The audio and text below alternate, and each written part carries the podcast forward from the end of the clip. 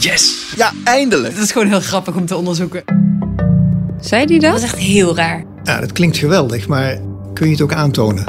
Dit is Speurwerk. Wij brengen je de hoogtepunten van Investigo's nieuwste publicaties en laten je zien hoe journalisten te werk gaan. Ik ben Sylvane van den Braak. En ik ben Simone Peek. Deze aflevering gaat over.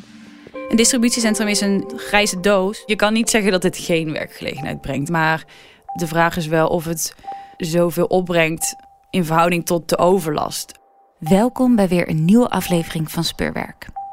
Als je wel eens over de Nederlandse snelwegen rijdt of in de trein zit, moet het je zijn opgevallen. Nederland is een distributieland met kilometers opslagruimte. Ik heb het over de grote grijze distributiecentra, ook wel dozen genoemd. Maar heb je je wel eens afgevraagd waarom er in Nederland zoveel dozen staan? En wie bepaalt eigenlijk waar ze terechtkomen? Naar die vragen deed de masterclass van Investico zes maanden lang onderzoek. En de antwoorden hoor je in deze podcast. De masterclass is de opleiding tot onderzoeksjournalist van Investico en die wordt elk jaar georganiseerd. Dit jaar werden toegelaten Bijou van der Borst, Koen Ramar, Janna Nieuwenhuizen, Romy van Dijk en Carlijn Saris. We beginnen bij Bijou van der Borst. Zij vertelt hoe ze bij dit onderwerp gekomen is. Ik kom zelf uit Brabant en mijn broertje haalde mij een keer op op het station. En hij zei, voordat we naar huis rijden, rijden we even om. Want dit moet je zien. En toen uh, reden we over dat terrein waar al die distributiecentra en Roosendaal staan. En op een gegeven moment had je gewoon aan weerskanten muur. En dat duurde ook best wel lang. En het was heel groot en grijs. En je voelde je heel klein. En ik kom uit die buurt, maar ik herkende de omgeving ook niet meer. En ik was heel even zo van, waar ben ik? En als dit is wat we in de toekomst gaan bouwen, dan voel ik me hier niet prettig bij. En dat was eigenlijk iets, iets waardoor die fascinatie bleef knagen. Het Roosendaal waar Bijou opgroeide is omgevormd tot Dozendaal. Pijnlijk. Maar Bijou is een journalist, dus wilde ze het onderzoeken. Toen heb ik gepitcht van waarom blijven ze komen als er zoveel wordt gepraat over verdozing. En als je zo ziet dat zoveel burgers al jarenlang tegen zo'n ding strijden, waarom, waarom kan het dat dan nog? Welke, welke afwegingen worden dan gemaakt? Brabant heeft best wel veel distributiecentra door de ligging eigenlijk. Je hebt de haven van Rotterdam en vanuit daar kun je zo naar Duitsland of heel makkelijk naar, naar België, naar de haven van Antwerpen. Daarom is Brabant relatief populair. En de gedeputeerde van Brabant zei op een gegeven moment zelfs van... ja, vroeger juichten we als we zo'n doos binnenhaalden. Want ja, dit is toch weer werkgelegenheid en uh, super. Maar nu juichen we eigenlijk als hij voor een andere provincie kiest. Dus dan voel je wel dat er toch iets aan de hand is. Janna Nieuwenhuizen. Nou, als ik eerlijk ben, um, vond ik het niet zo'n sexy onderwerp, distributiecentra. En vond ik het ook wel lastig, een tijdje, om hier echt in te komen. Maar toen het eenmaal het balletje ging rollen en ik me realiseerde dat een distributiecentrum en het zomaar neerzetten daarvan symbool staat voor iets veel groters. Namelijk het loslaten van enige regie van bovenaf. Ik bedoel, dat we hebben het gezien bij jeugdzorg, thuiszorg, dat het daar echt niet goed gaat. Maar ook hierin zie je weer hoe jammer het is dat, dat de overheid heeft besloten... hier houden we ons handen van af. Koen Ramar. Nederland stond vroeger bekend juist om een hele strakke ruimtelijke ordening. Planologie zat bij mijn studie en ik weet nog dat, we daar heel, dat daar heel trots over werd verteld... over de manier waarop we ons land hebben ingedeeld vroeger. Maar dat is in de afgelopen decennia steeds meer losgelaten... met als een van de ja, toppunten het afschaffen van het ministerie... dat over ruimtelijke ordening ging. En dat hebben we op meerdere plekken gehoord dat dat heel erg gemist is. En is een gevolg daarvan dat het onder is gebracht bij de provincies of bij de gemeentes dus? Eigenlijk gemeentes. En volgens mij, hoe ik het goed heb begrepen, is, het gedecentraliseerd, zoals zoveel. En toen duidelijk werd dat die gemeentes daardoor met elkaar gingen concurreren, um, het overzicht niet hadden en er her en der maar grote distributiecentra kwamen, zijn de provincies daarop ingesprongen. En die zijn met een samenwerkingsverband zijn ze gaan proberen regels te stellen. Dus het is zo van overheid naar gemeentes weer terug naar provinciaal niveau gaan. De provincie stapte in toen ze zagen dat het een zooitje werd bij de gemeente. De masterclass interviewde gedeputeerden over wat ze vervolgens hebben gedaan. En dat was heel interessant, want daar hoorden we heel erg een soort van contrast tussen de intentie. Er was, er was heel duidelijk de intentie om er meer aan te doen bij de drie provincies waar ik dan bij heb gezeten. Maar het ontbrak eigenlijk aan echt een soort van hard juridisch instrumentarium om er echt iets aan te doen. Ze wilden iets tegen doen. Ze wilden er iets tegen doen, ja. Of, of in betere banen leiden en zorgen dat het op de juiste locaties kon. Maar in ieder geval om iets wel tegen het idee van, of het gevoel van verdozing te doen. Aan wil dus geen gebrek. Maar waarom lukt het dan niet? Nederland heeft eigenlijk tien jaar lang uh, open gelegen als een soort van hondje op zijn rug voor, die, voor de komst van, van grootschalige distributie. En de provincies willen daar nu iets aan doen. En in die gesprekken dachten van oké, er is dus iets aan het veranderen. Maar dat soort processen duren gewoon jaren. Dus het feit dat ze het nu zeggen, betekent dat we pas over ja, een paar jaar waarschijnlijk effectief of efficiënt, efficiënte instrumenten hebben om iets tegen die grote distributiecentra te doen. En ondertussen gaat die groei gewoon door. Nadat de gemeente in 2010 zelf mochten gaan bepalen wat er met die grond gebeurt, zorgde dit voor een gigantische toename van het aantal distributiecentra. Maar waarom gingen gemeenten dan massaal dozen bouwen? Er zijn nu eenmaal veel wethouders die graag een distributiecentrum in hun gemeente willen. Waarom? Werkgelegenheid. En maken ze dat ook waar? Je kan niet zeggen dat dit geen werkgelegenheid brengt. Het brengt wel wat werkgelegenheid, maar de vraag is wel of het zoveel opbrengt in verhouding tot de overlast. We hebben dat ook wel proberen te onderzoeken, maar het wordt niet bijgehouden hoeveel werkgelegenheid het precies oplevert. Maar je ziet wel dat de banen die komen, die willen ook heel veel mensen niet. Want het zijn vooral flexibele arbeidscontracten, s'nachts werken, relatief lage lonen.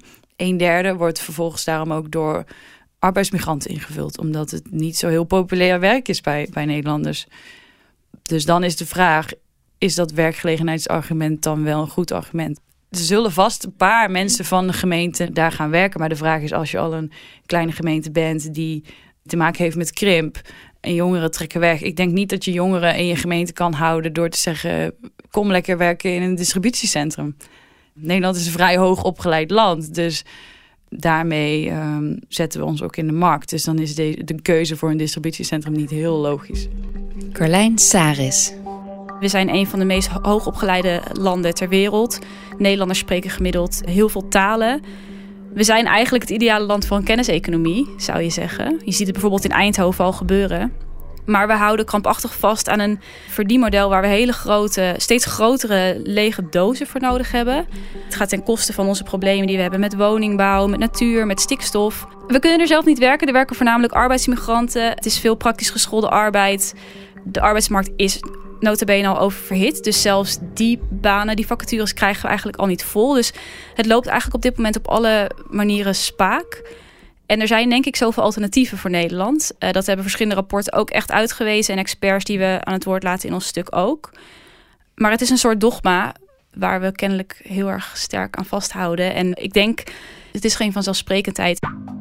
In de komende anderhalf jaar verrijzen er nog 64 nieuwe grote distributiecentra in Nederland. Per stuk zijn ze ongeveer anderhalf keer zo groot als de Johan Cruijff Arena. Opgeteld gaan ze een oppervlakte van ongeveer 3 miljoen vierkante meter grond bedekken. De helft van die distributiecentra komt op plekken die nu nog groen zijn: gras, bos of weilanden. De masterclass ging langs bij een boer die via de krant moest vernemen dat er op zijn boerderij een distributiecentrum zou komen. Wat is daar gebeurd? Ja, wat is er gebeurd? Nou, dat was voor die mensen waar we op bezoek kwamen eigenlijk ook best nog wel een vraagteken. Uh, maar in het kort kwam de situatie erop neer dat het was een boerenbedrijf met een groot stuk land. Ze hadden een veehouderij. En eigenlijk waren ze al redelijk ingebouwd met industriegebied. Er zat al een stuk terrein achter hun huis. En er werd aangekondigd dat dat industriegebied ging worden uitgebreid. En dat zou ook voor hun huis komen. Dus ze werden echt ingebouwd. Uh, dat wisten ze. En daar was, ook al best lang strijd over in het dorp wat daar in de buurt lag. Uh, maar op een dag sloeg die veehouder zijn krant open, uh, de lokale krant. En daar stond een hele grote tekening met het nieuwe industrieterrein is van plek gewisseld. En dat komt nu, nou ja, hij zag dat het eigenlijk op zijn eigen kavel kwam. Eh, en dat, dat las hij in de krant. En op zijn eigen kavel, als in, in zijn achtertuin? Ja, letterlijk op zijn huis en eh, het stuk land wat daarbij hoort. En hoe kan dat? Hoe kan je daar niet vanaf weten? Ja, er was een klein beetje sprake van miscommunicatie. Want we hebben de wethouder ook nog even gevraagd. Hoe, hoe zit dat nou en hoe kan dat? De wethouder heeft ook die avond rond een uurtje of tien bij die boer aan de telefoon gehangen. Want de wethouder was zichzelf eigenlijk ook rot geschrokken. Ehm, hij wist dat dit ging gebeuren, maar wel echt pas een paar dagen daarvoor. En dat moest allemaal redelijk geheim blijven, want het had te maken met deals met vastgoedontwikkelaars. Dus de gemeente was ook redelijk last minute pas op de hoogte. En zodra de gemeente dat wist, hebben ze een aangetekende brief gestuurd naar dat gezin. Maar die brief kwam te laat. Uh, of die is in ieder geval nooit aangekomen. Dus las, las hij het in de krant, die veehouder. En uh, nou, daar was de wethouder zelf ook best van geschrokken, vertelde hij ons. Dus die heeft die avond toen maar als doekje voor het bloeden zelf de telefoon even gepakt om te zeggen dat het eigenlijk allemaal niet zo bedoeld was. Foutje. Een foutje, ja. En waar was dat waar dit gebeurde? Dit is Montferland. Dat is een uh, gemeente helemaal onder in Gelderland, echt tegen de Duitse grens aan. Het ligt op een knooppunt van drie kleine dorpjes. En het ligt zo dicht tegen de Duitse grens dat je eigenlijk. Nou, de boer beschreef het als de hangbrug van Emmerich. Het dorpje in Duitsland even verderop kon je zien liggen vanaf die boerderij. Dus het ligt echt tegen Duitsland aangeplakt. Maar het klinkt toch raar dat je, je hebt grond, die is van hun. Ja. En iemand anders besluit dat daarmee gaat gebeuren. Hoe kan dat? Ja, nou, het gebeurt natuurlijk wel vaker. Want als de gemeente op een gegeven moment beslist... hier moet wat komen en wij passen bestemmingsplan aan... dan komen ze hopelijk met zo'n grote zak geld... dat degene die de dupe is denkt, nou ja, waar voor mijn geld? En eerlijk gezegd uh, Robert, de man die wij spraken, stond er zelf ook wel redelijk nuchter in. Die zei ook, ja, weet je, ze komen maar met geld over de brug. En het, het moet maar zoveel zijn dat we er wat moois van gaan kopen. Maar er zijn natuurlijk met dat industriegebied zulke bedragen gemoeid en zulke belangen. Dus ik was eerlijk gezegd persoonlijk ook wel verbaasd hoor. Als je bij zo'n gezin in de keukentafel zit en ze wonen daar al vier generaties en hun zoon zou het bedrijf weer over gaan nemen. Dat je denkt, jeetje, zo makkelijk kan het dus gaan. Er staat dan op een gegeven moment iemand op de stoep en die zegt, je moet weg in ruil voor een distributiecentrum. Een doos, ja. Ze zijn groot, vaak grijs en vaak vierkant. Maar wat is een distributiecentrum eigenlijk en waarom valt er zo weinig tegen te doen? Een distributiecentrum wordt door het bestuur eigenlijk bekeken als gewoon een ruimte voor opslag. Maar ja, een ruimte voor opslag kan ook een kleine garage zijn met een paar auto's. Um, en de grootte wordt niet heel erg meegerekend in, in alle overwegingen die ze vervolgens maken. Dus de redenen die de protestgroepen aanvoeren van er komen te veel vrachtwagens of het is slecht voor het milieu, de uitstoot. Die dingen worden amper gemeten omdat zodra een vrachtwagen van het terrein afrijdt van een distributiecentrum, telt die vrachtwagen niet meer voor de metingen, want ze meten alleen wat er op een terrein gebeurt. Maar de externe effecten, daar kun je dus niet tegen bijna niet tegen procederen, omdat die niet gemeten worden. Een distributiecentrum is een grijze doos vaak. En als je een beetje geluk hebt, liggen er zonnepanelen op het dak. En ze worden zo CO2-neutraal mogelijk gebouwd. En allemaal super hip en fancy. En als je geluk hebt, nog een beetje groen aan de buitenkant. Maar als je het puur baseert op waar heb je vergunningen voor nodig, dan is het eigenlijk in essentie niet zoveel. Er worden vaak geen hele zware chemische stoffen uitgestoten en noem alles maar op. Dus het valt zo een beetje tussen de mazen van alle wetten door. En het is relatief echt heel makkelijk om zo'n doos ergens neer te zetten, omdat het in essentie niet zoveel is. Romy van Dijk. Ik heb voor de 150 grootste distributiecentra de bestemmingsplannen en de gevingsvergunningen doorgespit. En we hebben daardoor een heel mooi overzicht van wat er voor nodig is om een distributiecentrum te bouwen. Mhm. En welke onderzoeken daarvoor nodig zijn. Er is geen checklist van als je een uh, distributiecentrum wil bouwen, moet je dit aanleveren, dit aanleveren, dit aanleveren om goedgekeurd te worden. We zagen ook dat bouwdossiers van twee distributiecentra die op hetzelfde bedrijventerrein staan, niet dezelfde onderzoeken hadden aangeleverd, waarvan je helemaal zou denken van daar zal toch wel een, een, een lijn in zitten, maar het leek op totale willekeur. Als je als bedrijf stikstof uitstoot, dan heeft dat een schadelijk effect op kwetsbare natuur. Dat is ook de, de gehele stikstofcrisis. En we hebben sinds uh, een paar jaar besloten dat ieder bedrijf, als je wil bouwen, moet je een stikstoftoetsing doen om te zien wat je uitstoot in de gebruiksfase en in de bouwfase. En wij hebben bij provincies opgevraagd of deze toetsing ook gebeurd is voor de distributiecentra die wij hebben onderzocht. En die geven aan dat ze niet weten of een een distributiecentrum natuurvergunning plichtig is. Ze hebben het overzicht niet. Want de aanvrager is zelf verantwoordelijk om alle vergunningen in orde te hebben.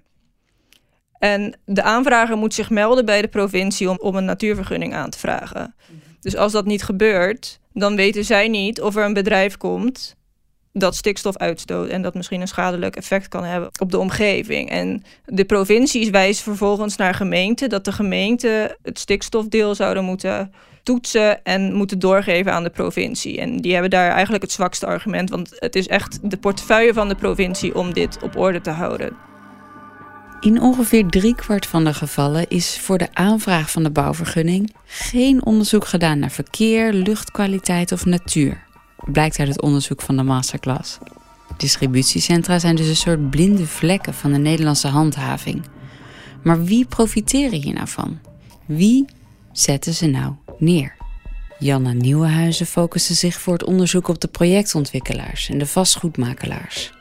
Dat was hartstikke leuk.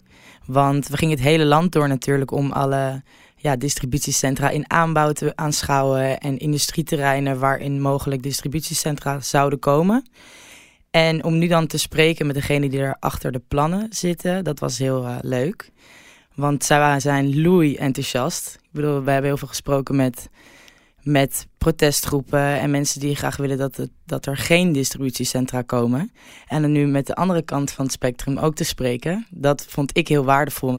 En we zijn bij de grootste speler van Nederland zijn we geweest. En dat is de David Hart Group, DHG ook wel. En ze zitten in Schiedam, dus bij Rotterdam, bij de Rotterdamse haven. En het was eigenlijk wel heel cool hoe wij daar, we reden in een autootje, reden we erheen. En dan rij best wel een stukje door een industrieterrein. En dan zie je hartstikke veel al van die distributiecentra met hun logo erop, het DHG-logo. Maar het, het, grote contrast zat hem in dat wij vervolgens aankwamen bij een prachtig wit villa-achtig kantoorpand aan het water. Wat vertelde zij je? Ze zoeken eigenlijk op Google Earth, gaan ze op zoek naar vervallen industrieterreinen waar mogelijk nieuwe ja, distributiecentra van uh, hun projectontwikkeling zouden kunnen komen. En dan rijden ze erheen en dan gaan ze in gesprek met de eigenaren van zo'n industrieterrein. En ze vertelde, ja, soms ja, heb je zo'n vervallen industrieterrein en dan zien we dat de eigenaar is een man van rond de 70, zonder zonen. En dan gaan we eigenlijk gewoon hem benaderen van uh, wat zou je ervan vinden om je grond aan ons te verkopen. En uh, als hij dan in, zee gaat, dan gaan we het bij de buren vragen of zij misschien ook wel hun grond willen verkopen. Ze zien zichzelf ook echt een beetje als ja, weldoeners, het opknappen van dat soort industrieterreinen. En ook dat soort mensen een mooi uh, smak geld geven, dat ze lekker rustig met pensioen kunnen gaan. En dat zij vervolgens weer een nieuwe ontwikkeling daar kunnen neerzetten.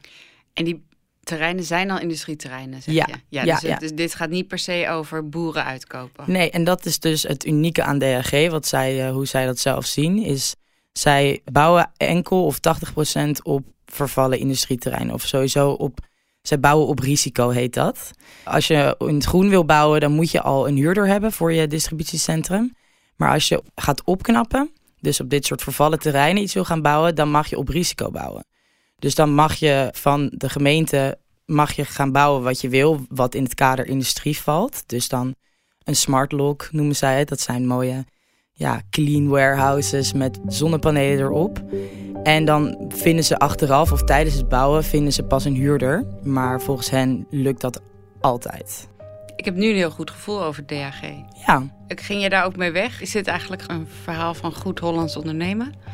Ik ging ook wel, weet je, je gaat met mensen meepraten en ja, je stelt wel de juiste kritische vragen. Want eerst bijvoorbeeld zeiden ze ja, en het is hartstikke goed als wij aan uh, buitenlandse bedrijven verkopen, want uh, hè, zij betalen hier ook belasting. En toen zei ik, maar hoe zit het dan met de btw-verlegging? Want in Nederland wij zijn daar onderscheidend in, betaal je geen belasting voor goederen die je hier tijdelijk opslaat. En vervolgens weer doorvoert. En dat is eigenlijk om een soort bureaucratische romslomp uit de weg te gaan. Maar het is ook een beetje een lokkertje van onze overheid, zodat bedrijven voor distributie zich hier gaan vestigen. En toen keek hij me wel een beetje met grote ogen aan van, oh, jij weet van deze regeling? En toen zei ik, ja, vertel maar. En toen uh, zei hij, ja, maar uiteindelijk is het een goed idee als, kijk, als wij voor een aantal miljard verkopen aan buitenlandse bedrijven, komt dat wel weer in Nederlandse handen. En uh, verder, ja, hoe ik er dan naar keek toen ik daar wegging. Tuurlijk, ik zie mensen met passie voor hun vak en ja, mensen die gewoon geld willen verdienen. En dat is hun goed recht, want er is ook, er is ook geld te verdienen in deze branche. En ik denk waar het probleem ligt, is niet bij bedrijven zoals DHG, maar het ligt bij het feit dat dit soort spelers vrij spel krijgen. Want er is geen regie vanuit de overheid. De eindeloze honger voor meer opslagruimte in Nederland lijkt een vaststaand gegeven. Ze komen nooit leeg te staan. Maar ook op die redenatie valt wel wat af te dingen. Er zijn dus een aantal adviesbureaus uh, op wiens kennis de, de, de overheden leunen. En ik heb daarna gekeken hoe die claims in elkaar zitten, hoe die onderzoeken worden opgesteld. Je hebt bijvoorbeeld Stekgroep, dat is een consultancybureau, adviesbureau. Die worden door de provincies gevraagd om een inschatting te maken van hoeveel behoefte er gaat zijn aan bedrijventerrein in Nederland. In ieder geval zijn zij nu de grootste partij die dat doen. Ze doen het voor acht van de twaalf provincies. Maar zij doen dat met een model heel kort door de bocht is ooit bedacht door het voorloper van Planbureau voor de Leefomgeving. En die is tien jaar geleden, ruim tien jaar geleden, afgeschaft door Planbureau voor de Leefomgeving. Omdat die niet betrouwbaar genoeg zou zijn. En Stekgroep gebruikt die nog. En dat model, wat brengt dat in kaart? Hoeveel behoefte er dus gaat zijn aan bedrijventerreinen, aan, aan plek voor bedrijven. En dat is vrij cruciaal, want op basis daarvan bepalen provincies en gemeentes hoeveel ruimte ze gaan omtoveren naar bedrijventerrein. En het grappige is dat dat model is dus niet betrouwbaar geacht door de mensen die hem zelf bedacht hebben. Uh, of in ieder geval door de organisatie die hem zelf bedacht heeft. En zo'n stekgroep gebruikt hem. En zij gaan er wel goed mee om hoor. Dus in hun rapporten wordt er heel erg uitgebreid op gereflecteerd. En, en alle onzekerheden worden benoemd. Maar een politicus pakt alleen dat getal eruit. De hoogste schatting. En gaat ermee aan de haal. Die, die roept van Stek zegt dit, dus wij moeten dit ook gaan leveren. Terwijl dat is helemaal niet per se zo. Het punt is, een politicus kan zelf dat cijfer beïnvloeden door beleid te veranderen. Dat model gaat uit van hoe we het de afgelopen jaren hebben gedaan. En we hebben heel veel grond uitgegeven de afgelopen jaren. Maar wat nou als een politicus besluit van nee, dat gaan we niet meer doen. Een bedrijf moet veel efficiënter gebruik maken van zijn grond. Bijvoorbeeld parkeerplekken moeten onder het bedrijf komen. Het moet in meerdere verdiepingen. Dan verandert de uitkomst van het model ook. Dan zijn er een heleboel bedrijven die bijvoorbeeld afhaken voor Nederland. Dan gaat de ruimtevraag ook omlaag. Maar dat vergeet de politie. En die presenteren het cijfer van STEC als een vaststaand gegeven waarop beleid gemaakt moet worden. Laatste vraag. Waar gaan al die spullen die in Nederland worden opgeslagen dan naartoe? Tijdens de gesprekken met, met ook met beleidsmakers zelfs of wethouders, ze komen er altijd op terug. Ja, het is groeiend, want jij bestelt toch ook je kleren online. Terwijl dat daar, het gaat om distributiecentra die naar de rest van Europa verzenden. Dus dat, dat gaat niet alleen over ons Nederlands consumentengedrag. Nee.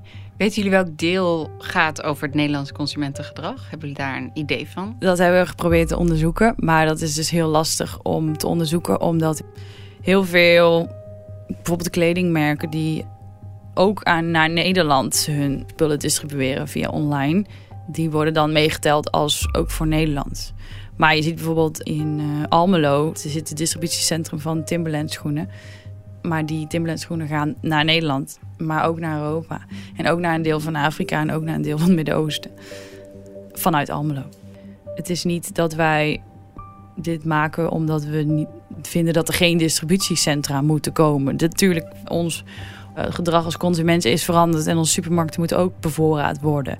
Alleen de vraag is of het in zulke grote oplagers moet en of wij nu echt zo meer zijn gaan kopen of dat we nu ook even de parkeerplaats van Europa zijn.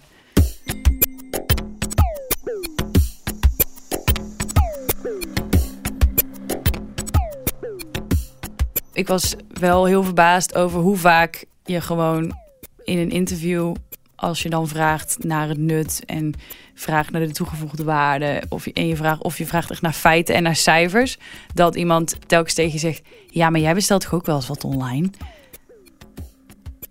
Ja, ja nee, ja en nee. Tuurlijk, mijn kleren zullen ooit wel uit een distributiecentrum komen, maar dat is geen argument om een heel land vol te bouwen. Het verbaast me dat, dat er onder wethouders en onder andere bestuurders, onder vastgoedontwikkelaars zo'n overtuiging is: dit moeten we doen, dit hebben we nodig. Terwijl als je dan vraagt: oké, laat maar zien, heb je cijfers die dat aantonen, dan beginnen ze over mijn gedrag. ik hoop dat het een beetje een wake-up call is, wel van laten we anders nadenken, ook binnen, ja, binnen het kabinet, maar ook in ons stemgedrag van willen we dit?